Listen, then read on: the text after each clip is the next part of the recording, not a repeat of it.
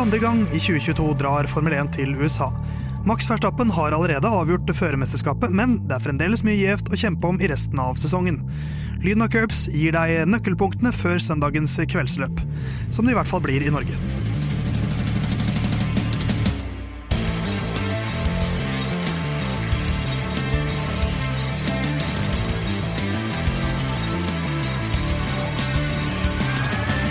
Oh, say can you see, eller kanskje say can you hear, som jeg kanskje burde si når du hører på en podkast og et radioprogram om Formel 1. Lyden av curbs heter vi, men det visste jo selvfølgelig du allerede. Theis heter jeg fremdeles, fremdeles bak spak og klaff. Og fremdeles trofaste Jon Halvdan ved min side. Vi er på en måte Ole Brumm og Nasse Nøff i denne podkasten. Hvordan går det med deg, Jon Halvdan? Eh, Det går bra. Hvem, hvem er Ole Brumm, hvem er Nasse Nøff? Jeg tenkte ikke at jeg, skulle ikke, jeg, jeg ville ikke si det, men jeg tenkte kanskje at Fordi jeg er rundest, så er jeg Ole Brumm. Det kan, det kan vi godt si. Og så er jeg litt sånn, jeg er litt nervøs, så da kan jeg være Nasse Nøff. Men vår egen tigergutt er tilbake. Uh, hyggelig å se deg igjen, Herman. Lenge siden sist. Uh, ja, det er jo i hvert fall litt siden sist, men det er ikke så himla lenge siden heller. Men i podverden så er det jo litt Ja. siden. Det er litt sporadisk, er det eneste. ja, det er litt sporadisk om noen det er enig i. Og så syns jeg det var litt eh, artig når dere liksom Ja, Herman er jo ikke her i dag. Uh, forrige gang, da. Og så liksom Vet ikke helt hvorfor, jeg. Nei. Men, det, men det var det ærlige. Fordi at jeg, du, du sa det vel til oss, men i det øyeblikket vi skulle snakke om det, så var jeg sånn Jeg husker ikke hva man skulle i dag. Nei, nei. Men har du lyst til å si det, eller var det, er det hemmelig, kanskje? Eller? Nei, det er ikke hemmelig. Det, helt sånn konkret så hadde jeg besøk fra Zimbabwe. Oi. Eh, En fyr jeg møtte i USA, som bor i USA. Det er en setning som ikke har blitt sagt mange ganger. Nei. Jeg hadde besøk fra Zimbabwe. Ja, Så det er nok den første fra Zimbabwe som har vært i langgangen. Eh, For det var der vi var på daværende tidspunkt. Eh, Spilte fotballkamp. Sikra toppskårertittelen i 7. divisjon. Så Gratulerer. Klart det er stort. Ja, det er stort. For hvilket lag? Langgangen. Ja. Ja, og så har det har skjedd og det har skjedd mye mer enn det år, skjønner du. Ja. For jeg har, Du har tapt litt i padel. jeg har tapt i padel tre ganger Ja. siden sist. Uh, to av de dobbel, som ikke er min feil sånn sett, men uh, prøvekjørt fire biler. Stemmer det, for du er en sånn fyr. Kjøpt bil. Ja. Hva slags ble det? Mustang. Men dette er ikke en bilpodkast, Herman, så det bryr Nei, oss egentlig ikke om. Det er sant, men det er motor, da. Ja. Det er motor ja, for dette det- er ikke en bilpodkast. Og det passer jo veldig når vi skal til USA denne uka at du har gått for Mustang, Yes. som er jo ganske harry. Eh, Ja. men, men samtidig så kler det deg. Men du hadde jo amerikaner fra før, da, så det er jo ikke, Nei, du det er bytter sant. jo ikke land. Det er sant. Og ja, det er, det er litt harry, men samtidig veldig meg, Ja, jeg. Så det, det, var, det var aldri i tvil når vi først måtte bytte den eh, Teslaen med pipebremser. Ja, men på hodet ditt så er det en tysk Mercedes-caps. Det er sant. Og, Så du er jo kompleks fyr. og hvis dere holder praten gående ett sekund, Ja. så har jeg rett og slett eh, en, en T-skjorte dere vil like. Oi, Ja. da, da holder vi praten et, eh, et lite sekund. Herman tar av seg capsen, han tar av seg headsetet. Og under han så står det 47 Mick Schumacher. du har fått deg Mick Schumacher-T-skjorte. Ja, stemmer. Hvordan skjedde dette? Nei, jeg fikk den faktisk av en kompis som eh, hører Hørte på hvor glad du var i Mick Schumacher. ja, som har, som har hørt på hele veien og fått med seg at jeg ikke er så fan av han, men av Has. Så jeg fikk faktisk tre T-skjorter av han eh, som betaling for en eh, fotojobb jeg gjorde for han. Hvor jeg sa jeg skal ikke ha noe betalt. Nei, ikke sant. Så kanskje det er håp for fred i verden når selv Herman kan dra på seg et Mick Schumacher-plagg. Eh, Men vi skal prate om eh, så mangt i dag. Vi skal også prate om tallet tall 34, som er dagens episodetall. Uh, Som du vet, Herman, din favoritt-brasilianer Rubens Barrichello eh, Han hadde 34 front row starts. Ja. Han kjørte mye med Michael Schumacher. Uh, Han var på en måte Hans Peres. Eh, han ble nummer to i 2002-2004. Det var hans beste plasseringer i VM. Eh, hvis vi holder oss til Ferrari, Charles Leclerc han vant sitt første Formel på 34. forsøk. Så han trengte altså 34 løp før han klarte å vinne et. Og det var Belgias Grand Prix 2019. Åssen gikk det i Monza uka etter? Ja, han vant. Han vant da òg. Mm. Men det var med juksemotoren til Ferrari, da, så det, kanskje burde han egentlig vunnet mer. Ja, og Hamilton mente vel at han ble kjørt ut av banen et par ganger. Ja, men det- Eh, men han er jo Men- en sittepave, da, så det er jo Men mitt inntrykk fra forrige, mitt inntrykk fra forrige podkast er jo at eh, juksing, det forsvarer vi jo. Ja, for dette skal vi litt tilbake til. Vi, skal, vi, skal, vi kommer ikke helt utenom budsjettgate denne uka heller. Vi skal prate litt om Daniel Ricardo sin karrierevei videre. Men eh, hovedfokus i dag skal ligge på USAs Grand Prix, som skal kjøres denne helgen. Circuit of the Americas er tilbake. Så eh, er det greit for dere gutter at vi dundrer i gang? Vi dundrer i gang. Vi dundrer i gang.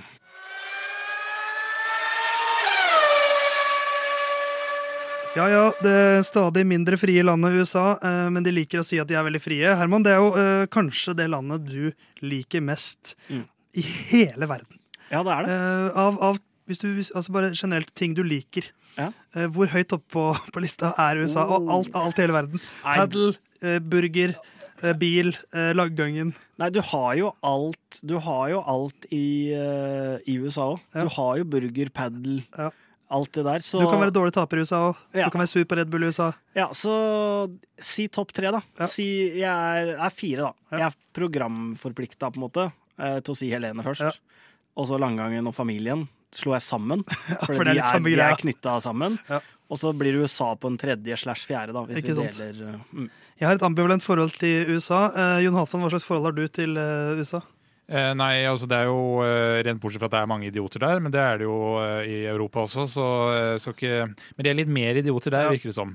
Eh, ellers så Jeg kjører jo også da amerikansk bil og eh, har bare vært én tur i USA, men det er ikke noe sånn hva skal jeg si ha, eh, intenst hat. Uh, Syns de tar mange dumme politiske valg og har en dårlig politisk struktur, men eh, det er ikke så lett å bleke det lerretet der. Jeg har et slags forhold til USA, litt som Odd Børresen synger i sin sang. Jeg drømte om Amerika, men ikke lenger nå.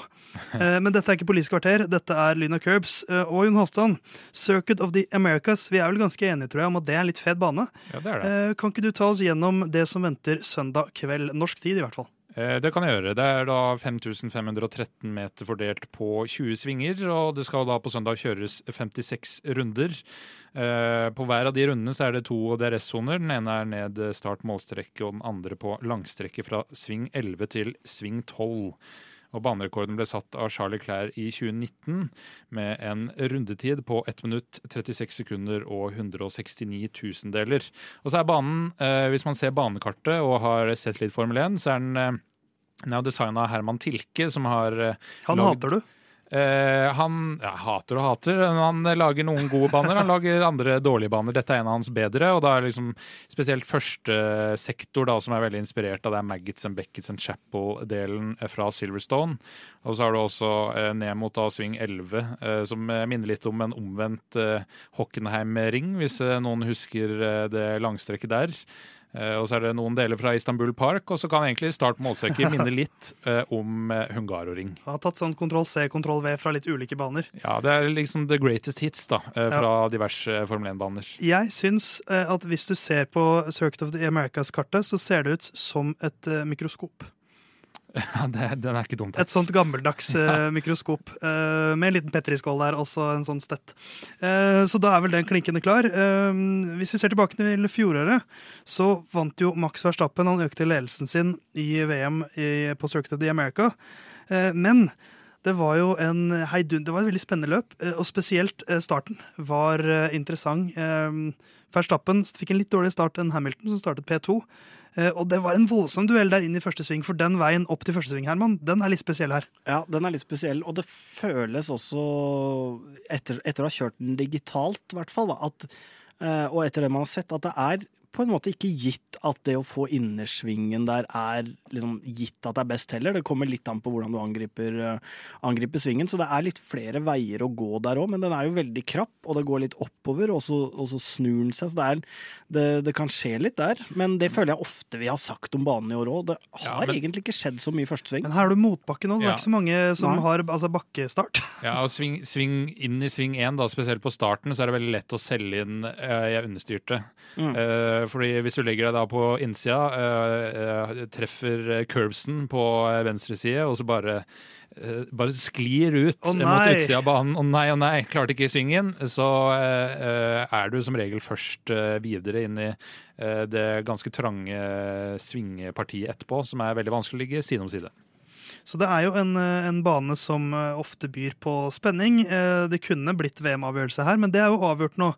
Eh, Og Du var jo ikke her sist eh, uke, Herman, så du fikk ikke delt hvor glad du er over at Max Verstappen har vunnet VM. Men han har jo avgjort, ja. og du, nå, nå skal jeg utfordre deg. Kan du, nå, skal, nå vil jeg at du skal bruke 30 sekunder på å skryte av Max Verstappen sin sesong i år. Ja, han har vært Uten noe skjult øh, kritikk. Nei, nei, han har vært bunnsolid. Han har uh, gjort få feil. Eh, Så det er, det er ikke noe å ta han på der. Han har egentlig, sånn jeg ser det når vi ser i, altså i retrospekt, mitt favorittspekt, eh, så har det jo egentlig ikke hatt eh, utfordrere. Og det er selvfølgelig noe bil, men også prestasjon som har påvirka. Så han har vært bunnsolid. Og mitt favorittmoment når det gjelder Verstappen, er at han har fremstått mye mer moden både på og utafor banen. Om det er fordi han har vært mindre pressa eller ikke, det er vanskelig å si, selvfølgelig. men jeg syns han har vært mye mer moden også i de pressa situasjonene. Og det har vært mitt ankepunkt mot Verstappen som fører, i tillegg til at ikke jeg liker ledelsen i laget han kjører for, og da blir det en totalpakke der, da. Men sånn han, han har gjort en supersesong på og utafor banen for min del, og uh, har steget i kurs for min del som, rett og slett som idrettsutøver, da. Ja, Det var god 50 sekunder, Herman. Så Ja. der, eh, der leverte du mer enn uh... Og kritikken var ikke skjult heller. Den Nei. var veldig åpen. Nei, Så- men må, ikke mot han. Nei, mot Nei. laget. Så å anerkjenne storhet, det, det skal vi gjøre. Men uh, Jon Halvdan, da er det jo ingen tvil om hvem som er frontrunner på favorittlista her. Eh, nei, altså Det er jo vanskelig å eh, komme utafor Max Verstappen. Uh, nå er jo det uh, Akkurat hvor han plasserer seg i det løpet her, er jo nesten det som er minst interessant. Fordi det er jo en rimelig tett kamp om den andreplassen. Som det er ganske mange aktører eller kandidater til å ta den. Primært Sergio Perez og eh, hva han heter? Charlie, Leclerc. Leclerc het han sist jeg sjekka. Ja, han heter det. Og det, der er det jo bare ett poeng mellom de. 253 og 252 poeng til henholdsvis Perez og Leclerc. Uh, så det blir jo en veldig interessant duell. Også se hvordan Red Bull, som har vært veldig uh, ikke Peres uvennlig, men i hvert fall Verstappen-vennlig Ja. i måten de har eh, gjort strategien her. Kommer de til å prioritere å gi maks, mm, maks seire den, som mulig denne sesongen her? Eller eh, vil de prøve å få Peres til å beholde den andre plassen? For det har jeg også skrevet i mitt notat. Bør eh, Red Bull gå inn for å ha Bør de bytte førstefører nå? Eller bør de være litt mer sånn Hvis vi får muligheten til det, og vi kan vinne med begge to, så vinner vi med Peres. Nei. Hvorfor ikke? ikke? Nei, det ser jeg ikke noe poeng i. Eh, For det første så jakter jo eh, Verstappen den eneste rekorden han vel kanskje kan få. Eh, Sånn hvis man ser med hva han har uttalt seg om, og hvor lenge han har planer om å race og sånne ting. Så det er jo den å ha flest seire i en sesong. Så selvfølgelig Og det å gå imot konkurransens natur, på en måte Nei, det, det syns jeg ville vært bare teit, egentlig. Men det er jo også det er jo noe som påvirker gjennom strategi, da. Um, ikke sant? OK, vi, vi har plan A og plan B. Kanskje man kan, uh, hvis plan A er spådd til å være litt bedre, OK, jeg kan skjønne å sende Peres på den. Uh, at man kan gjøre en sånn uh, veksling, men ikke noe annet, ville jeg tenkt. Fordi de er jo De kan jo kjøre det slik at hvis, hvis typ Verstappen blir pusha eller klær, så bruker de ikke Peres til en, eh, som en strategisk brikke for å, for å få gjort noe med Leclerc. Mm. La han kjøre sitt eget løp, i hvert fall, da, sånn at han ikke trenger å være en slags andrefiolin for Verstappen. Ja, altså Hvis Peres liksom ikke er i det i det hele tatt, og det er eh, Leclerc mot eh, Verstappen eh, tett om tett eh, der i front, så vil det jo være fordel eh, også for Peres at det er Verstappen som vinner. Eh, Fordi eh, eh, tre poeng kontra det som da blir ti poeng, eh, har ganske mye å si. Eh, I hvert fall når du bare leder med ett poeng. Eh, Og så tror jeg nok eh, man kanskje vil se at man stoler mer på at dette fikser Max. Hvis det skulle være en safety car, da, og det er sånn vi kan ikke pitte begge to, da tipper jeg at de pitter Peres først, fordi Verstappen tåler å pitte en runde seinere og kjøre inn det igjen. Men de kommer nok ikke til å bruke Peres strategisk for å hjelpe Verstappen. Eh, men eh, de går nok ikke ut av veien. eh, altså Verstappen må nok ikke slippe seg ned for å hjelpe Peres. Men vil dere, ha en bit av smålighet igjen, da? Ja, veldig gjerne. Okay. For nå var det for mye skryt her. Ja, for det, da kan de jo gjøre sånn som i fjor, hvor de da bare enten krasjer ut konkurrentene, eller helt sånn usaklig holder de tilbake. Ja. Eller få fått inn Michael Massey som uh, For eksempel. Ja. Så det er bare sånn lite innspill herfra. Altså Men, ikke, eh, ja, men det settes pris på det, Herman. Det er derfor du er her. Eh, men uh, Leclerc, eh, hvis du hadde sagt til meg i eh, ja, eh, Si etter de fire første løpene da, at Leclerc skal bli slått av Perez i år, så hadde jeg spytta deg i ansiktet kanskje og sparka deg. eh, for sånn type er jeg. men ikke hvis det var science, for han tippa vi over. Eh, ja, nei, ikke, ikke hvis det var science. Men, men, eh, men Leclerc, det, pilen pekte jo litt hans vei veldig lenge, men nå har jo Perez en seier og en andreplass på de to siste løpene, så formpila hans den peker jo i favør at det blir dobbeltseier til Red Bull her. Gjør den ikke det? Eh, Jo, altså det er jo Og mer også bil, bilens nivå. Ja, for det er egentlig formpila til bilen som er eh, store utfordringa. Han kommer sikkert til å ta pole position, eller i hvert fall være, i, eh, være tett på Verstappen der. Og så spiser han opp dekk. Eh, må gjerne ta et pitstop ekstra enn eh, konkurrentene. Og så eh, er de i hvert fall ikke i nærheten av å kjempe om eh, første- eller andreplass. Og kanskje må eh, kjempe litt eh, eh, mot eh, to fallskjermer av noen biler, de Mercedesene, eh, som eh, eh, kan De sier de kommer med nye oppgraderinger til helga, eh, så kanskje de er liksom mer, mer i den Ferrari-fighten. Jeg tror ikke de kommer til å være i eh, I hvert fall ikke i Verstappen-fighten. Men eh, nå med fire løp igjen, hvem blir nummer to i VM 2022, Herman? Hvis vi skal eh, stikke en finger i været og velge vår favoritt her nå. Jeg tror, da tror jeg Leclerc. Du tror Leclerc? Eh, Jeg tror faktisk det. Jeg, tror, jeg kan også se for meg at Perez kan choke litt, jeg nå. Eh, Han har litt mer å, å kjøre for enn Leclerc, egentlig. Men, eh, men den er vanskelig å si. Jeg, jeg føler meg jo ganske sikker på at Red Bull er en vesentlig bedre bil enn det Ferrari er nå, eh, med tanke på både dekkslitasje og en del andre momenter. Men hvis man ser sånn som på Japan nå sist, så var jo Leclerc var jo bedre enn Perez, om så knepent, og så roter han det til. Og ja, man kan jo igjen da selvfølgelig si at det er jo choke, da. Eh, så, så det er jo på en måte et argument som faller på egen urimelighet. Men jeg tror over da de siste løpa at Peres Perez choker mer enn Leclerc, da. Du går for eh, Leclerc. Mm. Hvem går du for, Jon? Uh, ja, nei, det er, jeg vet ikke Når vi snakker choke, så er Leclerc mye mer utsatt for det enn eh, Peres. Det er i hvert fall ja, min, eh, min oppfattelse, uh, både i Frankrike og nå eh, Japan sist, i en eh, lang rekke av eh, chokers. Eh, men eh, hvis Ferrari klarer å få orden på hvordan de tar vare på dekka, så Leclerc, men eh, med eh, bilfordelen så eh, tipper jeg Peres. Jeg støtter eh, ditt valg på Peres, så Verstappen vinner jo, så det er ikke vits, å diskutere så mye hvem som vinner. Han har vunnet. Han har vunnet. eh, hvem som blir nummer to, får vi se på. Og så er det flere plasser som det skal kjempes om. Mer om det nå.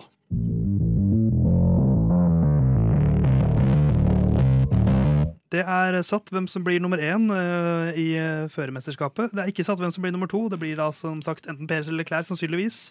Men kampen om, tredje, om fjerdeplassen den lever også i beste velgående. George Russell har 207 poeng. Fem poeng bak følger Science, og så er det blitt 27 poeng da, ned til Louis Hamilton på eh, akkurat nå sjetteplass. Men han er jo fortsatt med i fighten, han. Eh, Det var mannen vi putta på førsteplass før sesongen. det var det. Sånn kan det gå, Jon. kan det gå. Eh, men tror du han klarer å klatre opp på fjerdeplassen? da? Han har jo, han har jo gått i Altså, det, det skal jo pre, pre, hva, hva kaller man det? Et slags, eh, et slags en, Nå klarer jeg ikke å snakke. En, et, et fundament. Bare si Prema og Dennis Hauger, så er du sikker. Prema og Dennis Hauger. Et, et fundament i denne diskusjonen er jo at Hamilton hadde mye eksperimentell eh, bilinnstilling i starten av sesongen, så derfor ja, ja. Russell over. Men kan han fortsatt kjøre seg opp der, på fjerdeplass? Ikke at han bryr seg om det. Nei, eh, altså hvis vi tar Det er fire løp igjen. Ja. Eh, hvis vi sier at eh, maks poeng, eh, altså plassering for de eh, eh, Hva er det? Tre, tre som kjemper om den eh, eh, tredjeplassen eller fjerdeplassen. Eh, da, det, det meste de kan få, er fjerdeplass. Da er det 48 poeng eh, å ta eh, maksimalt. Og når du da til. ligger eh, 27 poeng bak, eh, så skal det ganske mye til, ja. Eh, Fordi de andre, med mindre Hamilton kjører ut begge to eh, på veien, men klarer å fullføre på fjerdeplass, eh, så tror jeg kanskje at eh, dette her står mellom Science og Ja. Russell. Og hvis Science er problemfri, eh, altså bilproblemfri, eh, og ikke roter det til, krasjer ut når det er litt vått og sånn, eh, så tror jeg han tar den. Ja, for det, Altså, ja, jeg bare avbryter, jeg. ja men kjør, kjør på. Så skal vi ikke glemme uh, Hushovd-teorien, som jeg liker å trekke fram. Den må du utdype. Tor Ja. Hushovd, altså norsk syklist. Ja, fordi han var jo veldig bra syklist, selvfølgelig. Kjempa om seier og sånn. Etter hvert så blei det mer jag om å få mest mulig poeng for denne poengtrøya. Så han spurte ikke for andreplasser. Så da var jo, når det gikk et brudd inn, så sa han at han ikke spurta for åttendeplasser eh, i et intervju. Um, og det kan jo fort faktisk være litt sånn med Hamilton her, da. Jeg ser for meg at han var eksperimentell i starten.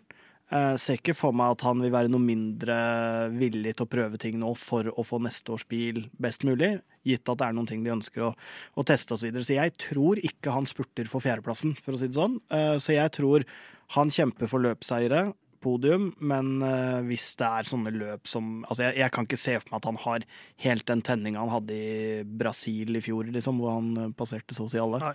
Nei, så jeg, jeg støtter det at jeg tror han, eh, han driter i om han blir nummer fire, fem eller seks. Men hvis han kan få en løpseier, hvis han får ferten av en seier Ja. i et enkelløp, Da da kommer da, da, kommer morderen fram. Ja, men jeg tror samtidig at uh, eh, selv om Hamilton nødvendigvis ikke bryr seg om det, så bryr imaget til Hamilton seg om, spesielt blant litt mer casual fans, at eh, det å tape for lagkameraten i lagkameratens første sesong ser ikke bra ut, selv om det er mange forklaringer.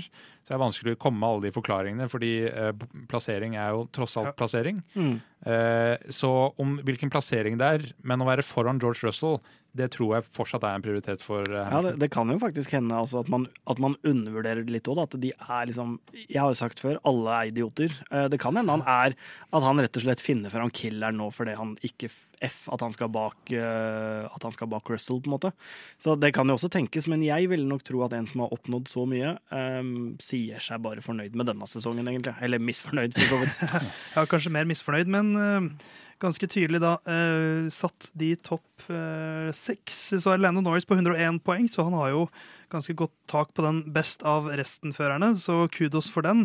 Og så kan vi kanskje fokusere litt mer på lagene, da, for Red Bull leder med god margin på Ferrari, så de kommer til å vinne konstruktørmesterskapet. Eh, hvis eh, Det er vel noe sånn De må ta 17 Altså eh, eh, Ferrari må ta mer enn 17 poeng mer enn Red Bull i helga eh, for at de ikke skal vinne i helga. Eh, så hvis Red Bull tar mer poeng enn Ferrari, så er de konstruktørmestere i eh, denne løpshelga. Så eh, Red Bull tar den også. Ferrari blir nok nummer to. De har en 80-90 poeng å gå på til Mercedes. Eh, Så de er ganske satt. Og så er det et stykke ned til alpin, som har mindre enn altså halvparten så mange poeng enn som Mercedes har. Men det er jevnt i kampen om P4 i konstruktørmesterskapet. 143 på alpin, McLaren på 130. Eh, De har revet og slitt i hverandre gjennom sesongen. Akkurat nå så ser det vel kanskje ut som alpin er mest i dytten. Ja, altså, uh, dette er jo bare en kamp pga. en dobbel DNF i Singapore Ja. uh, fra alpin. Uh, Det er da ellers- McLaren fikk fire og fem. Eh, ja, for ellers hadde dette vært eh, eh, avgjort, eh, for eh, i hvert fall nå. Eh, men, men bilmessig så er det alpinen som ser eh, best ut, så eh, mye skal til eh, at McLaren tar den fjerdeplassen, men ingenting er umulig. Ingenting er umulig. Det er Tro- umulig, det tar bare litt lengre tid. Som, eh, apropos for å nevne en Det er annen bare fire eh, runder, det er bare, det er bare fire runder å gjøre det på, uansett hvor du Men, men igjen, det er jo fortsatt så, så jevnt der at hvis det blir et sånn kaosløp hvor, eh, hvor alpin eh, får to DNFs eller to poeng, eller få poeng, og plutselig Norris vinner et løp, så er det jo plutselig Ja. en helt ny, eh, ny verden. Men, eh, men vi holder vel alpinen alle tre her som favoritt. Ja, jeg vil nok uh, tenke meg det, altså. Med, med mindre godgutten Ricardo kommer nå, da. Ja. Men Nå, eh, nå, nå kommer Ricardo. Han, han er vår nye Mercedes. Ja. Nå kommer Ricardo. Men uh, Han kommer til USA-sesongen. Det er jo hans favorittland, akkurat som deg, Herman. Men eh, på plassen bak, P6, Ja. så finner vi altså et lag som på de siste er det ti løpene, cirka, så har de tatt ett poeng. Ja. Og det er Alfa Romeo. Eh, De har en tiendeplass fra uh, Italias Grand Prix. Mm. Det var det, det, var, det liksom det forrige poenget de har tatt. Og før det så var det altså eh, Canada der de tok poeng. Mm. Hva har skjedd med Alfa Romeo? Men de ligger fortsatt på sjetteplass, Jon. Hva har skjedd? Eh, I starten tok det jo eh, Altså, de hadde en bil eh, som var eh, omtrent måtte ha ballast for å nå minimumvektkravet, mens alle de andre bilene var overvektige. Eh, så de eh, hadde en bedre bil generelt enn mange av konkurrentene i starten av sesongen, og tok mange poeng. Flesteparten av de er 52 eh, poenga i starten. Og så har de bare skrudd av utviklinga, egentlig. og så har de andre fulgt etter, og så sitter de nå og håper at eh, de klarer å karre med seg nok poeng til at den eh, sjetteplassen blir deres. eh, som jeg eh, De er ikke min favoritt til å ta sjetteplass. Nei, for mens de har tatt ett poeng på de siste ni løpene, da, nå telte jeg, så nå var det helt korrekt, så har altså Aston Martin tatt poeng i seks av de syv siste. Mm. Så det, det trives jo Herman Borgstrøm veldig godt med. Eh, og de er nå på syv poeng bak Alfa Romeo, så er det veldig jevnt bak dem, da, med Has på 34 og Alfa Tauri også på 34. Så det er jo veldig få poeng som skiller mellom sjette og niendeplassen.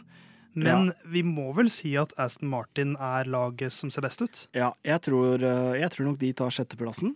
Um, Er det nå vi ser mesterplanen til Lawrence Stroll begynne å utfolde seg, Herman? nei, men Hvis de kommer på sjetteplass i år, eh, så skal vi ikke kimse av det, faktisk. Etter den starten. Ja, Så jeg, jeg, jeg sier ikke at de er godt på vei, men han hadde vel en five year plan eh, som ble utsatt pga. korona. Og det er jo Sjetteplass vil være én plass over fra i fjor. Det er ja, progresjon, det. Ja, men ut fra hvordan de så ut i starten, og det, det var mer lættis med five year plan eh, for noen måneder siden enn det det er nå, så jeg tenker at eh, de tar den sjette. Og to plasser ned fra 2020. Ja, ikke sant. Snarere en sånn petimeter på andre sida. Jeg tenker det er eh, Vi må ikke glemme heller at eh, det er eh, helt nye biler. Ting blei litt resatt. Se Mercedes i år, eksempel. Så jeg tenker at de har klart den overgangen ganske brukbart. Klarer de den sjetteplassen, så har de klart det bra. Også bak der igjen så tror jeg nok Alfa Tauri kommer over Has. Det er min uh, Ja. spådom av de to som ligger likt på åttende og niende der. Alfa Tauri har jo uh, hatt flest poeng de siste løpene. Uh, Has ikke tatt poeng på sju løp, mens Alfa Tauri har tatt poeng i tre av de siste fem. Uh, men det er jo fortsatt 34 poeng, og det er så jevnt mellom disse fire lagene Jon, at et sånn psyko-resultat fra, én av de åtte førerne, det kan avgjøre. Eh, ja, det eh, absolutt. Altså Hvis eh, si Gasly skulle vinne, da, og det ikke blir poeng på noen av de andre, så vil jo de være oppe på eh, 59 poeng, og da sju poeng foran Alfa Romeo. Av de fire her, så er det også for meg Aston Martin som er favoritt. Men jeg, altså, de leverer så vidt det godkjent for meg eh, den sesongen her. Når, altså, en ting er når du ser på resultatet, ja, sjetteplass, eh, bla, bla, bla. Eh, men det vil jo da være eh, omtrent 100 poeng bak eh, plassen over.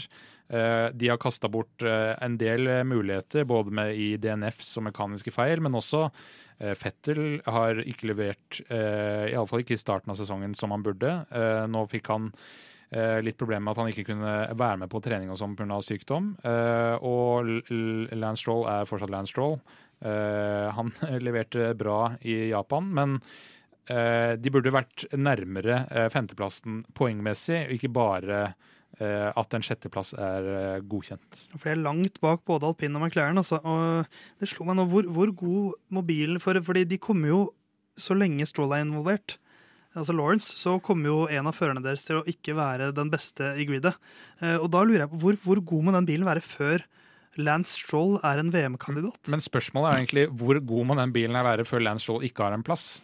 Eh, fordi, Det tror jeg ikke er mulig. Eh, Ja, men altså hvis den er, eh, kan kjempe om titler, men det er Lance som koster det, fordi han er eh, fem, fem sekunder Så da nei, må du be Lawrence velge om de to tingene han liker best, nemlig sin egen sønn og kjendisstatus? kjendisstatus. Det kommer an på hvor, hvor mye alvor han mener med om fem år skal vi være tittelkjempende lag. Men det er ikke, det er ikke verre for, for Lawrence heller enn å betale et sete i Williams, for eksempel. Eh, da. Lance tar et sete i Williams. Nå skal eh, Hamilton ha en last dance sammen med Alonso i denne. Så er det en sånn eldgammel fight som pågår der. Skal ikke se helt bort ifra at han setter den i et, i et annet sete. jeg, jeg tror aldri det kommer til å skje, men, men jeg tror han fort kan, må, må finne seg inn med å hente inn en bedre fører. For nå, nå kan man si at altså Fettel er på vei nedover. At, at han må liksom hente inn en som, som er on at his peak, da, for å, være, for å henge med.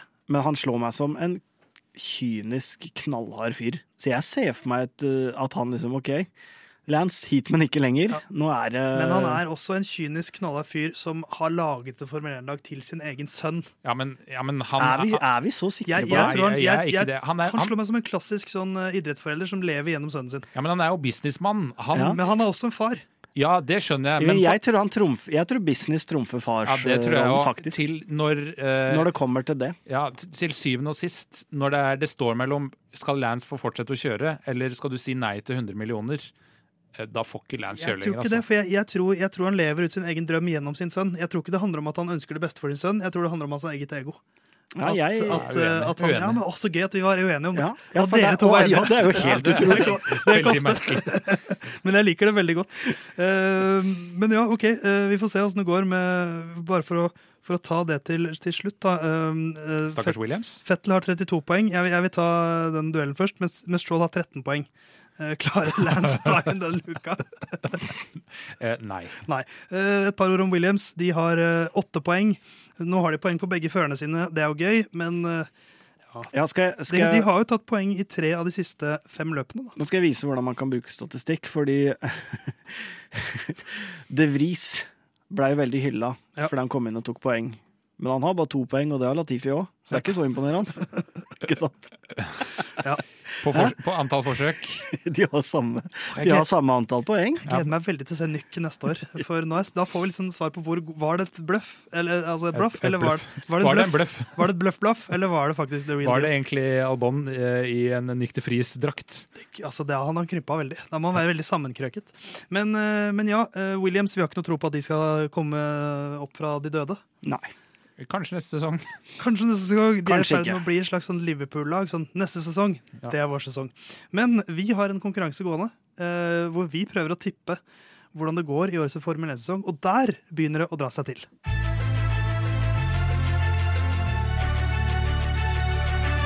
Gjennom eh, om ikke så altfor lenge, 22 løp, så har vi tippet. Da er vi oppe i 18 løp nå, da, som vi har tippet. Eh, og det er ganske jevnt. Det vi gjør, er at vi tipper de tre beste i hvert løp, og så kommer vi med det vi sier er ukens sjuking. Vi forsøker å spå eh, et snufs fra Herman, blant annet. Men også da noe sykt som skal skje i løpet av løpshelgen, som ikke er så lett å se komme. Vi er ikke, er ikke så ofte vi treffer, men eh, av og til gjør vi det. Og det kan kanskje vippe dette mesterskapet i noens favør, Jon, for det er ganske jevnt. Ja, altså Hvis vi hadde truffet på eh, det veldig usannsynlige som skal skje hver gang, så hadde det ikke vært så usannsynlig. Eh, Men det er jo da vi tipper podium, som du sier. Riktig plassering gir fem poeng. Riktig person i de tre, men på feil plassering, gir ett poeng. Og så har vi da den som vi kaller ukens sjuking, som gir tre poeng. Eh, og så var det jo da eh, ikke storeslem, eh, nesten storeslem fra meg og Theis eh, sist, som fikk full pott begge to på podiet, og det er da 15 eh, poeng. Mens Herman fikk stakkarslig 6 poeng. Eh, og det betyr da Nå kom det et smil fram. ja, det betyr da at uh, det er uh, Gjestene ligger da fortsatt bakerst med 45 poeng. Dette skal vi uh, regne skikkelig gjennom når sesongen er over. Men bakerst av de faste, og de minst faste, der ligger da Herman. Eh, og de fasteste, uh, Theis, eh, og så meg, med da henholdsvis 80, 85 og 92 Ja, så det er tolv poeng forskjell. Eh, Herman, du har ledet stort sett hele sesongen. Ja, og det har jo også vært et slags aber, fordi alt jeg har foreslått har blitt stemt ned og blitt endra. Det har vært ikke bare vært derfor, det har også vært fordi det har vært dårlig. Jeg har også vært eh, mest vekk, sånn at jeg har blant annet måttet sende inn en del eh, forslag digitalt som har blitt uh, tweaka på til det vanvittige. Og Det virker som at du legger det på oss at du Sånn har at vært borte. eh, jeg forventer jo nå, da, det snakka litt om her nå off-air òg, jeg forventer jo nå at egentlig alt jeg sier går gjennom på ukas sjuking. Men så har det også vært slik Herman, at ingen har truffet på Ukas sjuking på ni løp. Mm. Så uh, selv de som ligger sist, uh, ref meg som regel, har da eh, holdt det såpass vanskelig at det ikke har skjedd så mye. Så jeg syns vi skal fortsette med det. Men Jon, du som leder, kanskje du skal begynne med å tippe topp tre? Jeg begynner med topp? Så skal jeg gå som nummer to denne gangen, i og med at jeg er nummer to. Ja. Utrolig nok. Eh, da blir det jo uh, Why change a winning team osv. Uh, Verstappen, uh, Peres, uh, Leclerc. Uh, må jo følge opp det jeg mener med at uh, Peres kommer til å ta den andreplassen også. Eh, og hvis det da er eh, ukens uh, sjuking, eh, så tror jeg det må bli Og nå kan vi være strenge mot Jon, altså, for nå leder han. Det trenger du ikke fortelle meg. eh, eh, Yuki Senoda vinner. Ja, den er Nei, greit. bankers godkjent. Ja. Ehm, ja, og du sier, Jon, for å flytte dere over til meg, hvorfor endre et winning team? For jeg tippet jo det samme som du tippet eh, forrige uke, eh, og da var det akkurat de samme tre navnene i den rekkefølgen. Ja. Og jeg må endre et winning team, for jeg, kan ikke, jeg kommer ikke til å kjøre for andreplass her. Jeg går for seier, så da må jeg jo gjøre noe litt annerledes. Mhm. Ehm, så jeg har Verstappen på førsteplass, for jeg tenker at de Altså med måte, fordi at alt er ikke tapt ennå. Så da må jeg liksom holde kontakten litt, i og med at det er syv poeng. Men så er jeg Hamilton. Okay. Uh, og så er det jo selvfølgelig litt ergerlig at jeg har litt klær på P3, men da gjør jeg i hvert fall noe annerledes, så jeg har muligheten til å ta fem poeng her Ja. på, uh, på Jon Halvdan. Uh, og på Ukens sjuking så har jeg følgende Lando Norris ligger P5 på et punkt i løpet, men dårlig pitstop gjør at den eh, plassen heller går til Alonso. ja, det er vanskelig å angripe den. Den er Den veldig er konkret, konkret, i hvert fall. ja. Og det, det liker vi jo å gi kreditt for. ja. Og da er det ikke sånn, og hvis, hvis eh, Alonso da blir P4, ikke godkjent. Nei. P6, ikke godkjent. Nei, jeg godkjenner den. Ja. Eh, hopper over til meg. Max Leclerc Science. Ikke sant? Det er, du, du har potensialet for å hente inn mange poeng der. Altså, med Leclerc Science der. En god helg for Ferrari, så er du der. Og så kommer sjukingen, da. Fettel slår Stroll med minst to førere imellom. Jeg, men er så, å, det er så enkelt! det er veldig enkelt. Ja, men jeg prøver meg. han prøver, og, og det har du lov til, Herman, å Ja. ligger sist. Det, det er ditt privilegium. Men jeg syns, jeg syns jeg syns han er inne på noe, Jon Halvdan. Hvis han, Nei, fordi okay, men da- dette diskuterer jeg. Okay, bare vent, da. Dette- Fettel vent. slår Stroll med Nei. minst tre førere imellom. Vi diskuterte, det, vi diskuterte det tidligere i sesongen, at fører X over fører Y holder egentlig ikke. Jo, det er ingen som har sagt det, men det ble sett litt ja, ned han, på. hvis, ja, men jeg kommer fortsatt til å se ned på det. Eh, Du Ja. trenger ikke godkjent fra meg, for det får du ikke. Ikke men du får den ikke den godkjent fra meg, Herman, hvis du, hvis du forkludrer det litt til. Hvis du Fettel slår Strål Stroll med minst fire førere imellom. Og Nei, da er dobla. jo, noe annet må også skje. Fettel slår Stroll med minst fem førere imellom. Ok, da, Hvis vi får en nøyaktig posisjon Fettel slår Stroll med minst fem førere imellom. med nøyaktig fem førere imellom Hvis du kan koble inn kvalik Minst. hvis du, hvis du får inn kvalik på noe vis, så er jeg litt på glid. Fettel slår Stroll med minst tre førere imellom, men differansen er større i kvalik. Eh, nei, vet du, hva, vet du hva du kan få av meg? Okay. Hvis, hvis, hvis altså Fettel slår Stroll med tre plasser i løpet, Ja. men, med minst tre plasser. med minst, men i kvalifiseringen så er det motsatt. Da syns jeg, kanskje, da syns jeg du er på sporet av noe. Altså at Stroll slår Fettel med tre plasser i kvalik. Hva med fem førere imellom i løp, men det er mer i kvalik? Åh. Mer i kvalik. Altså, Herman ligger sist. jeg må jo prøve meg. Jeg, må, jeg jeg- er desperat. Jeg sier, Hvis du sier seks, så får du den. Jeg sier fem. ja, altså, Da får du det jo ikke godkjent. Da får jo, den ikke. jeg prøver å forhandle Med hvem? med Theis. Seks. Med minst seks førere imellom i løp, minst fem i kvalik. OK. Siden han ligger sist, så syns jeg han skal få dem. Minst seks førere i løpet, minst fem i kvalik. Ja, For seks førere er ganske mye. Det er det, ass. Ja. Det Og er og Stroll har ikke vært så dårlig de siste Nei. løpene. Han har helt OK form, han. Så Og det er jo ikke Fettel altså jeg, sa jo ikke, jeg sa jo ikke maks. Jeg sa ikke maks, og så ble det stille. Nei, nei, nei. Det, det, Jeg sa jo ikke maks. Nei, jeg bare ser på hvor mye det er eh, for jeg satt og begynte å se på hvor gode har de hvor gode har de vært i forhold til hverandre i årets sesong. Nei, jeg bare sitter og ser på hvor ofte har det vært én fører foran en annen fører eh, fra Herman. Ja, men, det har vært ganske men, ofte. men nå fikk jeg han til å forkludre det litt, og da syns jeg han skal ha for den. Men eh, Jon, kan du ikke dra oss kjapt gjennom eh, hvem vi tror vinner? eh, Max Verstappen, og hva Ja. var ukens sjukinger denne uka? Jeg, jeg er klar. Um, vi alle tre er enige om at det er Forstappen som vinner det løpet. Andreplassen så tipper Herman Leclerc, jeg Peres og Theis eh, Hamilton. Der ligger spenninga. Der ligger spenninga, fordi eh, på tredjeplassen så er jeg og Theis enige om at det er Leclerc som tar den, mens eh, Herman mener det er Carlos Sainz. Eh, når det gjelder ukens sjuking, så tipper Theis da at Landon Norris får, eh, ligger på eh, posisjon fem på et punkt i løpet, men at det er Alonso som tar den plassen når de krysser mål, start målstreke for siste gang, eller linja. Grunnet til dårlig pitstop på Landon Norris. Eh, grunnen til et dårlig Det er viktig å få med. For Hvis ikke så er det ikke godkjent. Det må være et dårlig pitstop på et eller annet punkt i Landon Norris sitt løp. Eh, ja, eh, jeg tipper at eh, Yuki Snoda vinner. Ikke noe dikkedarer der. Eh, mens Herman, han etter mye forhandlinger med Theis, har kommet fram til at Fettel slår Stroll med minst seks førere i løpet, men at han må slå Stroll med minst fem i kvalik. Jeg skulle gått for fire der. Jeg er som en slags Jan Egeland i lyden av curbs. Men det er våre tips. Eh, Men noe som også er vanskelig å spå, er hva som skjer med Daniel Ricardo neste sesong. La oss ta en prat om det.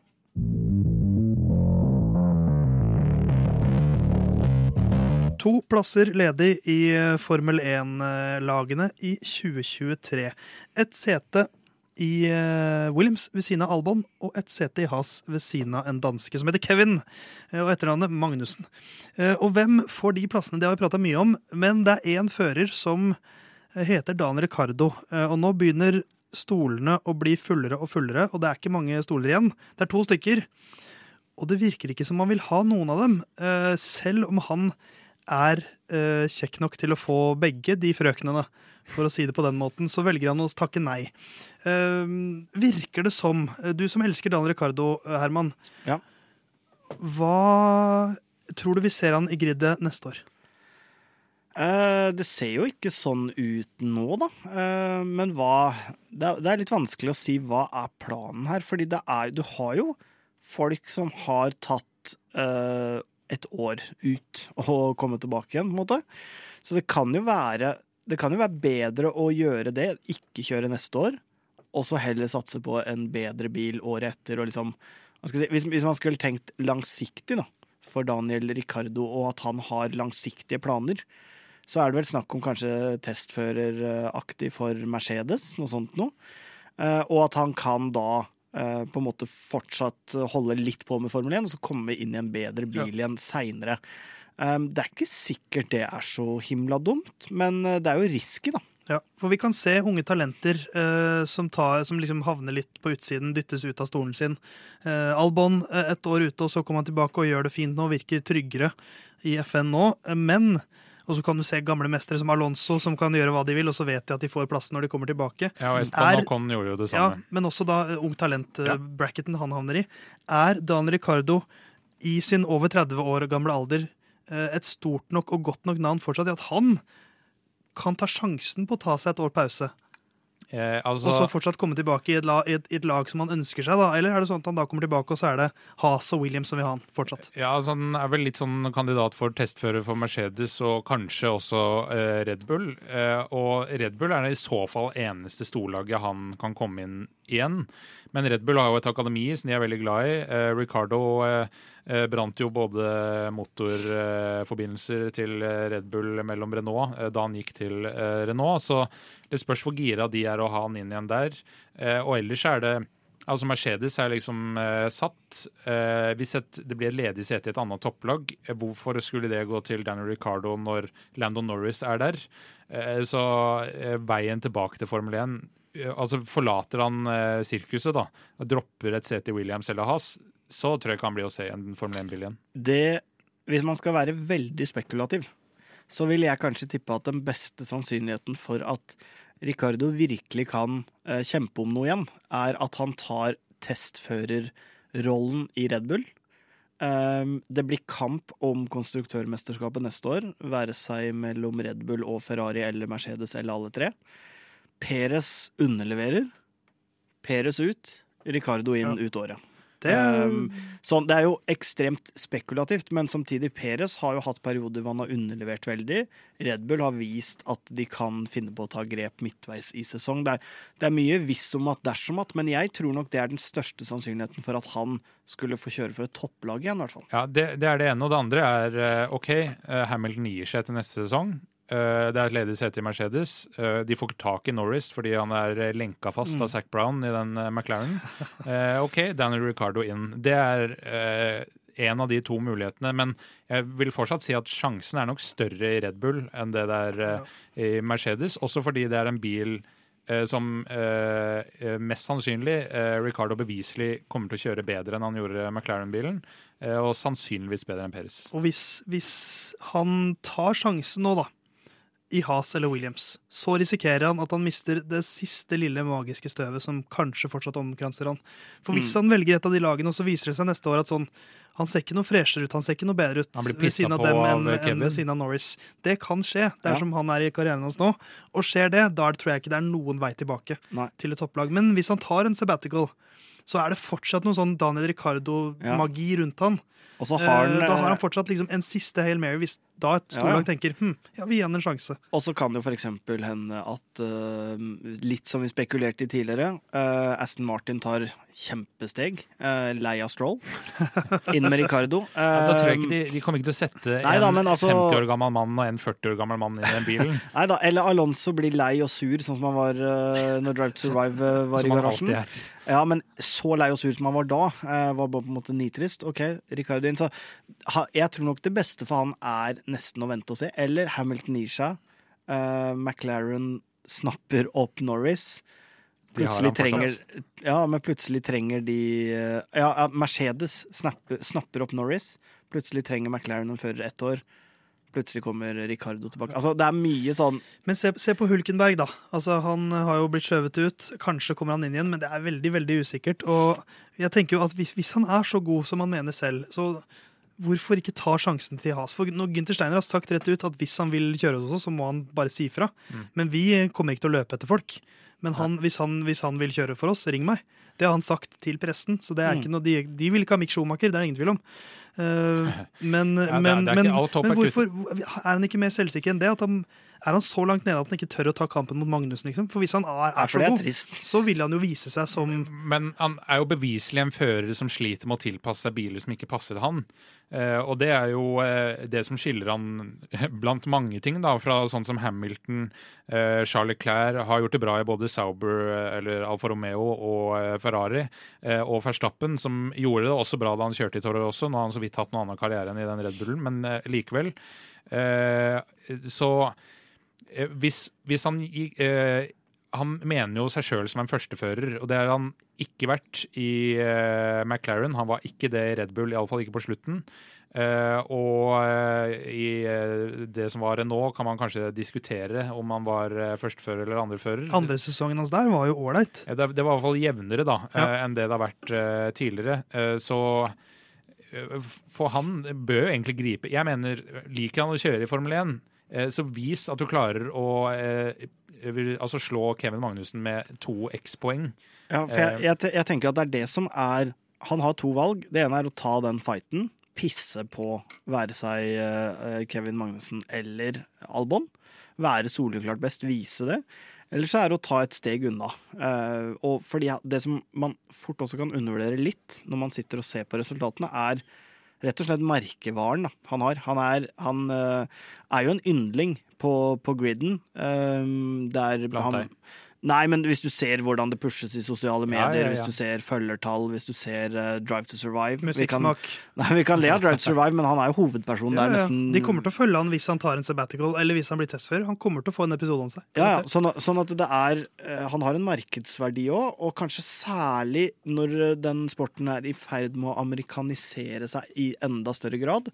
Så skal vi jo, Hvis man ser de der gamle amerikanske sportsfilmene, så er det sånn, ja Moneyball, baseballfilmen Hente tilbake en gammel fyr som har lagt opp. ja, men den, ja, han, One last shot, man! han, han kan kaste, og så har han bra ansikt. Det er sånn de prater i Men du vet han er trøbbel. Du vet han er trøbbel, Herman. Ja, men, Ricardo er jo ikke så mye trøbbel, men, men spørsmålet er kan han kaste. Det ja, er jo men han har eh, bra chin. Han kunne det før, men så har han mista troa på seg selv. Ja, men han, til nå har han jo vært en uh, one car eh, driver. Altså Han har bare fått ja, det til han, kom seg jo dit òg, da. Men sånn i Formel 1 så er jo det åpenbart at han har vært det. Men, men han har jo liksom Han har jo hatt et førertalent før på en måte vår en- kjennskap til det òg. Nei, jeg, jeg skjønner hva du mener, men sånn så man, man må jo Jeg er helt enig i at man må dømme han som en eh, fører som ikke evner å tilpasse seg på en bra måte. Men samtidig så må han jo ha kommet seg dit han gjorde ved å tilpasse seg, i hvert fall til en viss grad. Så det er jo, det er jo litt sånn todelt der òg, men han har jo ikke lykkes annet enn i Red Bull i Formel 1. Det er jo Han, altså, han, han, var år, han ble nummer fem i førermesterskapet i Renault sin andre sesong. Jeg, jeg tror han gjorde en feil da han forlot Renault. Ja. Eh, for der var ting litt på rett vei. Jeg tror han gjorde en feil. Han forlot Red Bull. Ja, altså det, ja, men altså, det, det ligger på en måte som et slags Ja. grunn, grunnprinsipp. Ja, men det tror ikke jeg nødvendigvis, fordi uh, jeg kan sammenligne med meg på et helt annet nivå. Nei, men det er ikke. Jeg spilte jo kant så, i håndball, og For Sheffield. Nei, og var Jeg hadde en viss lovende framtid, øh, og så ville jeg bli midt, for jeg syns det var så kjedelig å aldri få ballen. Uh, ute på vinga der. Eh, og da når jeg sa det til treneren, så sa han ok, men bare sånn at du vet det da, så kan du bare vinke farvel til Eliteserien. Fordi du er ikke høy nok, blant annet. Sånn at eh, da sa jeg ok, men det er helt greit, men jeg vil heller da liksom være midtbekk på et lavere nivå enn å være kant på et potensielt høyeste nivå, da. Sånn at det Men du, er vil- men, men, men du vil ikke være midt, midtbekk på et så lavt nivå som For det er jo det vi spør Ja, Ricardo om. ja. Vil du, hvor, hvor viktig er det for deg å kjøre Formel 1 ja, ikke som sant? førstefører? Ja. Vil du langt nok ned for at du skal få lov til det nå? Ja, og for min del, for eksempel, siden vi er der, jeg ville jo ikke det. Nei. Så jeg ga meg når ikke jeg liksom holdt til det nivået jeg hadde holdt hele tida. Så bare ok, men da Ja. driter vi i det. Men uh, vi liker jo å tippe. Uh, la oss avslutte Ricardo-praten med å tippe. Hva gjør Daniel Ricardo neste år? Herman, du som elsker han overalt på jord, hva tror du din gode, gode venn Daniel gjør neste år? Bortsett fra å høre på god musikk Ja, jeg tror, og smilebrett med masse tenner. jeg tror definitivt han vil være synlig i Formel 1-sirkuset. Det er jeg egentlig veldig overbevist om. Eh, jeg tipper det beste for han hadde vært i Red Bull-løsninga. Jeg tipper han blir reservefører i eh, Mercedes. Vil stå ved siden av Toto Wolff ja. i garasjen. Hva tror du, eh, Jon Hofstad? Eh, jeg tror det blir eh, testfører. Jeg tror eh, det er Red Bull. Jeg tror han skal innynde seg hos Helmet Marco og ta plass til Peres. Jeg får, jeg får ta en sjanse og si at han kjører for Hass, jeg, da. Ja, det er morsommere, det. Hvis vi skal kjapt, kjapt ta de andre setene, eh, så tror jeg Nico Hylkenberg kommer inn i Has. Eh, Jeg tror ikke Mick kommer til å vise nok, i hvert fall ikke etter krasjen i Japan. Eh, Og så er det Logan Sargent som skal kjøre FP1 for Williams, som får Williams-sete. Men, men tenk, at, tenk at jeg får Hulkenberg tilbake. Sammen med Magnussen. Det er jo gøy. I has. Men altså, det er jo Vi har tulla mye med at jeg er glad i Aston Martin og Stroll, men det er jo ikke noe lag som ligger nærmere mitt sportshjerte enn has. Og så får vi inn Hulkenberg i tillegg. Og hvis Mick Schumacher ryker ut av Formel 1, da stiger jo også verdien på T-skjorta di. Fordi da er den vanskelig å få tak i. Ja. Så du har mye å håpe på der, Ja, det er Herman. helt. Eh, Og du skal få lov til å slakte videre, du Herman, når vi skal prate mer om budsjettaket.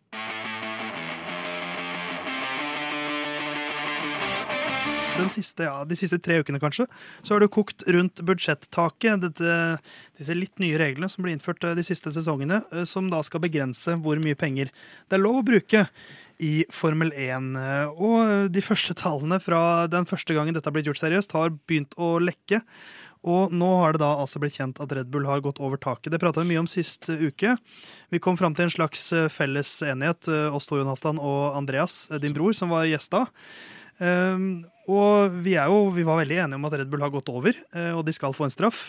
Eh, denne straffen er jo ikke klar enda, og man vet det har ikke kommet noe mer informasjon, egentlig, Nei, men, det- men det er mange som mener mye om det. Ja, og gjesten vi har med i dag, han eh, vil sikkert mene noe om det også.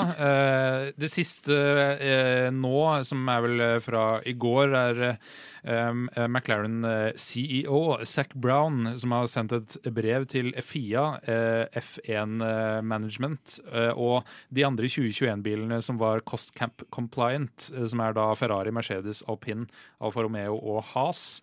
Eh, Det er jo da eh, totalt eh, seks biler. Eh, Williams var ikke compliant. Um, vet ikke hvorfor han har sendt til, ikke har sendt til det siste laget, men Aston Martin er jo da eh, ikke compliant fordi de har brutt en eh, prosedyreregel. Eh, det har vi ikke helt eh, fått klarhet i hva er. Eh, Williams eh, har brutt eh, en eh, også en prosedyrefeil hvor de leverte noen papirer for seint, der de betalte 15 000 dollar i båt. Og så er det Red Bull som har også en uh, prosedyrefeil ved at uh, de har hatt en såkalt minor overspend breach, som er da uh, mer enn budsjettet på 145 millioner dollar, eh, inntil 5 eh, over den grensa.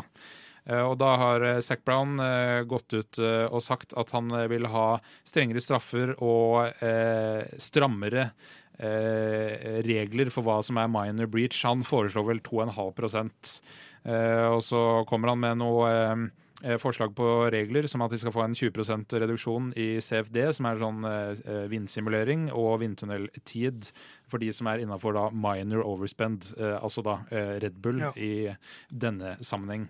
Så litt uh, à la det vi prata om sist. Vi, vi landa vel på at den straffen vi mente de burde få, var eh, steng dem ute fra preseason testing, og dobbelt så mye bot, eh, eller dobbelt så mye lavere budsjett eh, kontra hva de brukte over i Ja. år.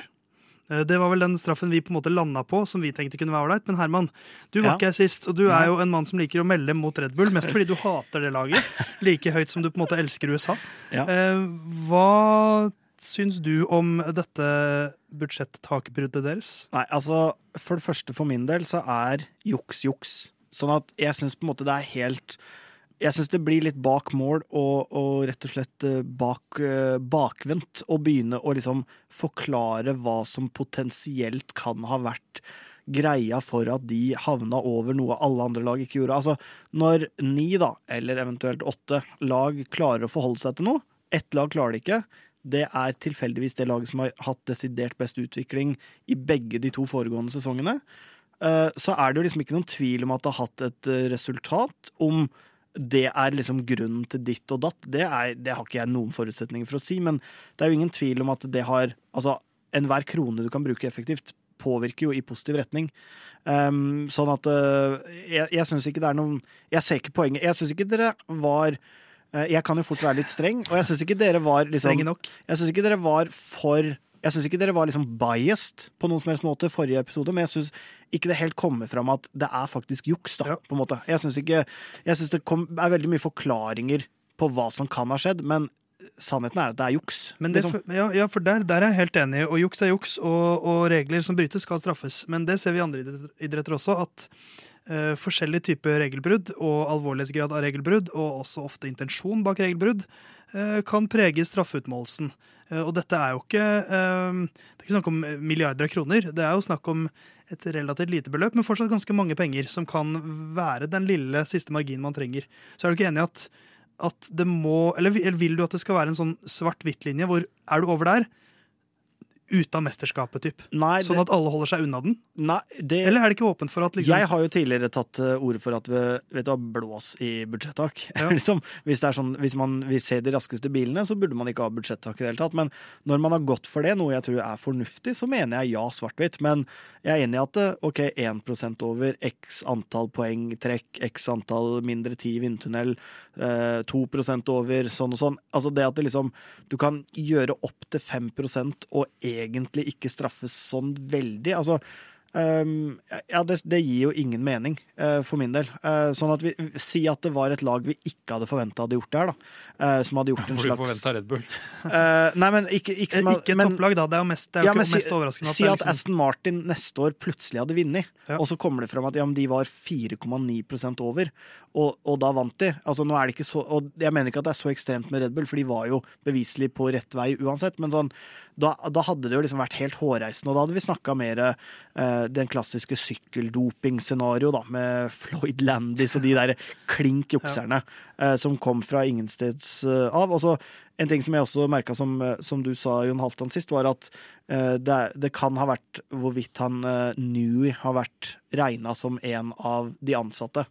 Og hvis det er snakk om 10-20 millioner som de tror de har kunnet brukt mer, eh, så er jo det ekstremt mange armer og bein da, som Altså, du kan ja. få inn på det. Altså, For det nevnte vi også. At det, altså, og Det er kroner, da, for ikke jeg- dollar her nå. ja, ja, ja, men samtidig så, så antyder du at det er ikke så Altså det er bare på en måte én ressurs de i så fall har fått inn ekstra.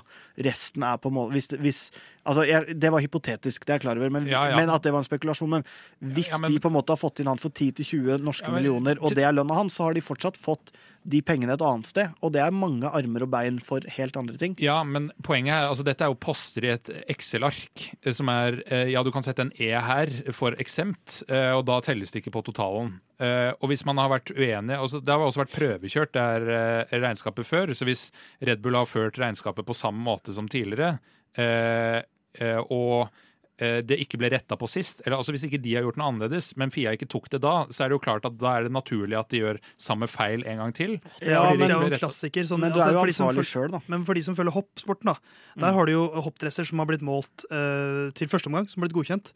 Og så måler de samme dressen, og så bare plutselig er den ikke godkjent. Så det er jo sånn Ja, jeg skjønner, jeg skjønner det, Prosedyrefeil skjer jo. Ja, men man hadde prøvekjøring eh, av eh, regnskapet i 2020-sesongen, eh, såkalt tørrtrening, hvor de samme gjennomgangene av budsjettet skulle gjøres da, og så fikk du beskjed om ja, dette er riktig, dette er galt, osv. Så, videre. så det var en prøvekjøring før 2021-sesongen, hvor det da skal være tellende med straffer osv. Ja, da, men hvis du juksa én gang og ikke ble tatt, så gjør det jo, rettferdiggjør det jo ikke å jukse en annen gang. Ja, men det betyr jo ikke at det, ja, men det betyr jo ikke at det er juks. Eh, Eller altså Jo, det er jo beviselig juks. Men det Ja, betyr ikke ja, nødvendigvis det er at det er med overlegg. ja, Det er jo ikke bevisst juks, men hvis Jo. Det er jo bevist juks hvis du har gått over det du har lov til. Så nei, er det, det er juks. nei, det nå, er, det er forskjell på bevist og bevisst. Det Ja. tror jeg vi må Hvis det er det vi diskuterer her. ja, men hvis de har gått over, så er det jo juks. Ja, men er det bevisst? Nei, Nei, eller, har det de, er- eller har de tolket reglene annerledes? Og det i seg selv er et problem. Hvis et lag tolker reglene annerledes. Ja, så Hvis Eh. du tolker hvor mye du kan ha av et eh, I og med at det her blir på en måte en slags økonomisk doping, så er det jo sånn i, i all annen idrett hvor mye kan du ha av gitt stoff? Du kan jo nesten ikke ta uh, smertestillende engang før du lever farlig som idrettsutøver. Ja, men- Sånn at hvor går den grensa der? Og akkurat det samme er det jo her. Ja, ja, ja, men poenget her er eh, altså Du har et totalregnskap. altså Dette er penger vi har brukt denne sesongen. Eh, men det er visse unntak. eh, og hvis vi inkluderer de unntakene som ble godkjent forrige gang vi hadde en test på det budsjettet, så er vi under. Hvis de da ikke er godkjent denne sesongen, så vil det jo være over. Men det har ikke vært en bevisst eh, å gå over, fordi man har beregna at det er fratrekk Ja, man men det, uansett har. det vet man jo ikke, Men, da. men jeg Det- tenker at men- det, er, det er nesten ikke relevant, fordi at dette handler om om at noen har havnet over. Og så er egentlig grunnen altså, Hvis du kjører, hvis du bryter fartsgrensa bevisst eller ubevisst, straffen er liksom, Du har brutt fartsgrensa, og da skal du straffes. Ja. Eh, men kanskje litt forskjellig, og kanskje det, det sier litt om eh, seriøsiteten da, til systemet også. Men hvis ikke, da, så kunne man jo, hvis man skal være uh, i grenseland til usaklig, men samtidig for eksempelets skyld, da kan, jo, da kan jo Toto Wolff erklære at nå trekker han seg litt unna. Eh, og så eh, at han ikke skal være liksom eh, sjefen i Mercedes lenger. Men at han er like hands on, men nå jobber han for seg sjøl, så han er en sånn ekstern konsulent fra utsida. For han er ikke nå sjefen, det er en annen. Så får de liksom det et fritak fordi han ikke gjelder. Da vil det jo ikke være fritak, fordi du er en konsulent, og det, vil, du er, det er ikke ansatt. Fordi altså det som er Jeg vet ikke hvor mye tid vi skal bruke på det Ikke så veldig mye lenger. Fordi jeg har et par andre poeng jeg vil få inn. Gjør det kjapt. Ja, det ene er alle team Principles har vært enige om hvilke regler eh, og hva som er en minor overspend før sesongen. At man nå sier at nei, det er altfor mye, det kan ikke være overraskende. Samme hvem det er som har gått over. Eh, så har, eh, det kunne vært Zack Zac Brown som hadde gått over, og så hadde Red Bull, eh, Christian Horner, vært nei, nei, det er altfor mye. Men, Ja, men det går jo mer på straff.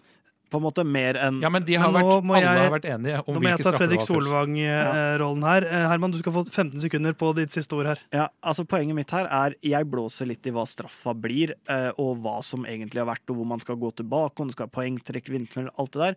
Hovedpoenget mitt er at Red Bull har juksa. Eh, om det har vært med overlegg eller ikke, det er egentlig ett fett for meg. Juks er juks, og jeg liker ikke juks. Jonas, du skal få 15 sekunder du òg. Ja, det er eh, regnskap her som er komplisert å regne ut. Noen ting er fratrekk, noen er ikke. Og jeg mener ikke at man bevisst har juksa hvis man har gjort en ærlig feil her. Men det skal fortsatt straffes. Eh, Ja, det skal det jo. Ja, så da er vi i hvert fall enige om det. Red Bull skal få sin straff i himmelen, eh, og vi setter over til Dagsrevyen, føler jeg. Men nei da, vi skal ikke gi oss helt ennå. Vi har prøvd å bli venner igjen. Kan vi, kan vi si at vi er venner fortsatt? Uh, vi er venner, men jeg er ekstremt uenig. Ja, men det er fint at vi fortsatt kan være venner. Og Herman er fortsatt bare gjest. Ja, uh, oi, oi, oi. Jeg, jeg, jeg, jeg er glad i dere begge to gutter. Men uh, er det noe Formel 1-føreren er glad i, så er det å gjøre et poeng ut, at, ut av at de skal til USA. Det er få land som de på en måte virker Hvor det er tydeligere hvor de er, enn når de er i USA. Det er veldig tydelig i sosiale medier. Det er få land som er like event Ja. som det å dra til USA. Og, og det er, er USA-barter, det er hatter. Nå skal du til Texas, det mest USA av USA. Eh, så, så det liker førerne å gjøre et poeng ut av. Men det er jo ingen eh, amerikansk for, eh, Formel 1-fører akkurat nå. Colton Hurta fikk ikke superlisens. Um, og ja, Men det er en da eh, amerikansk F2-fører uh, som blir å se uh, rundt banen i en Formel 1-bil, iallfall. og Og så er, og så er det amerikanske førere, det er bare ikke fra United States of Ja, America. for det er nettopp det vi skal diskutere nå. Eh, Hvilke førere er på en måte mest amerikanske? Hvem er det amerikanerne bør heie på, selv når de ikke har en egen en? Um, og jeg, jeg det føler jo det er noen som man kan utelukke veldig kjapt. Uh, for eksempel sånn Yuki Sunoda. Eh, og, og da tenker jeg ikke på nasjonalitet eller utseende, da tenker jeg kun på liksom hvordan de ter seg. Hvem er minst, hvem er minst amerikansk? Ja, altså, ja, det er sant. Da er det Bottas. Bottas Bottas. er definitivt minst. eh, han er minst. Sunoda Science er ikke Altså, det er så erkespansk som det er mulig George å bli. Russell.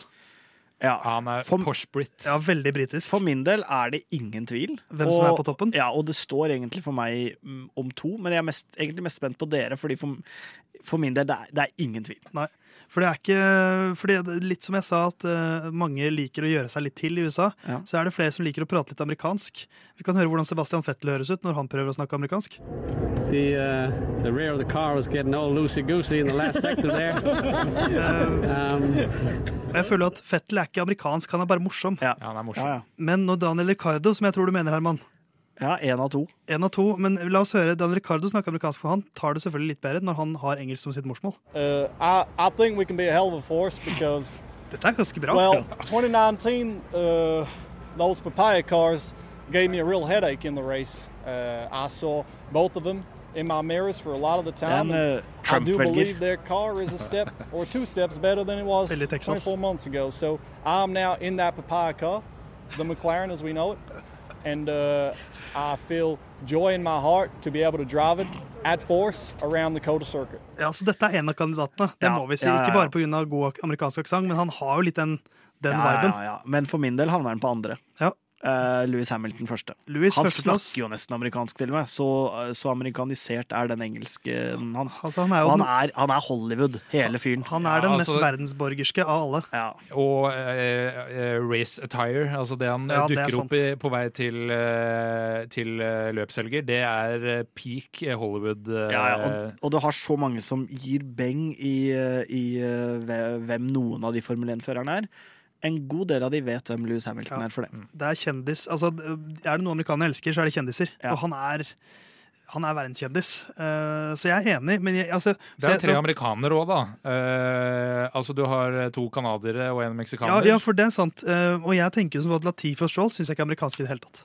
Altså Ikke USA-ske. De er jo amerikanere i den grad de er canadiere, men, men er eh. Latifi er altfor snill. Eh, Ja, ja. Og Stroll er på en måte Daddy's Boy, som er litt amerikansk, men Han blir på en måte for snill, han òg, Ja. men på en litt annen måte enn han har ikke den amerikanske viben. Og. Perez er veldig meksikansk. Ja. Han har liksom, jeg føler sånn altså, Forsvarsminister, som man jo ofte beskriver, han har liksom den, den liksom meksikanske iherdigheten. Han er sånn han er, Nei, han er ikke amerikansk. Nei, nei, han, eh, og det er jo da i et, et land som eh, stemte på en president som ville bygge en mur for å holde sånne som Peres eh, unna. Eh, Så jeg vet ikke om han identifiserer seg veldig med USA heller. Jeg tar tredjeplass Mick Schumacher. jeg. Tar tredjeplass Kevin Magnussen. Oi, For jeg syns han har litt den, de amerikanske spisse han er så dansk. Ja, han er det sånn, på en måte, men Ja. bak, bak, bak setet så syns jeg han er amerikansk. Ja, vi er jo litt amerikanske i Skandinavia òg, Ja. sånn sett. Men, men Nei, jeg tror jeg, jeg er Landon Norris her på tredjeplass. ok, så da har vi Hamilton Ricardo på én og to. Og på tredjeplass så har vi Mick. Norris. og Kevin.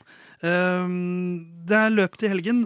Løpstidene. Det begynner klokka ni på søndag, tror jeg. Det stemmer. Og så er vel eh, kvalik, eh, så fort jeg får opp eh, kalenderen her. Det starter midnatt lørdag. Eh, FP1 eh, og FP3 er klokka ni på kvelden, samtidig som løpsstarten på eh, søndag. Og det er også da eh, kvalik på søndag midnatt. Og da spør jeg deg, Dian Ricardo, hva skal du gjøre denne helgen? Boy, I'm gonna give it my best shot.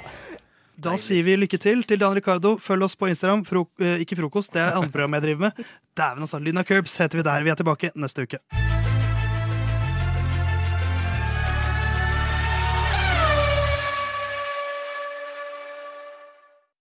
Good luck this weekend, Stroll. Thanks.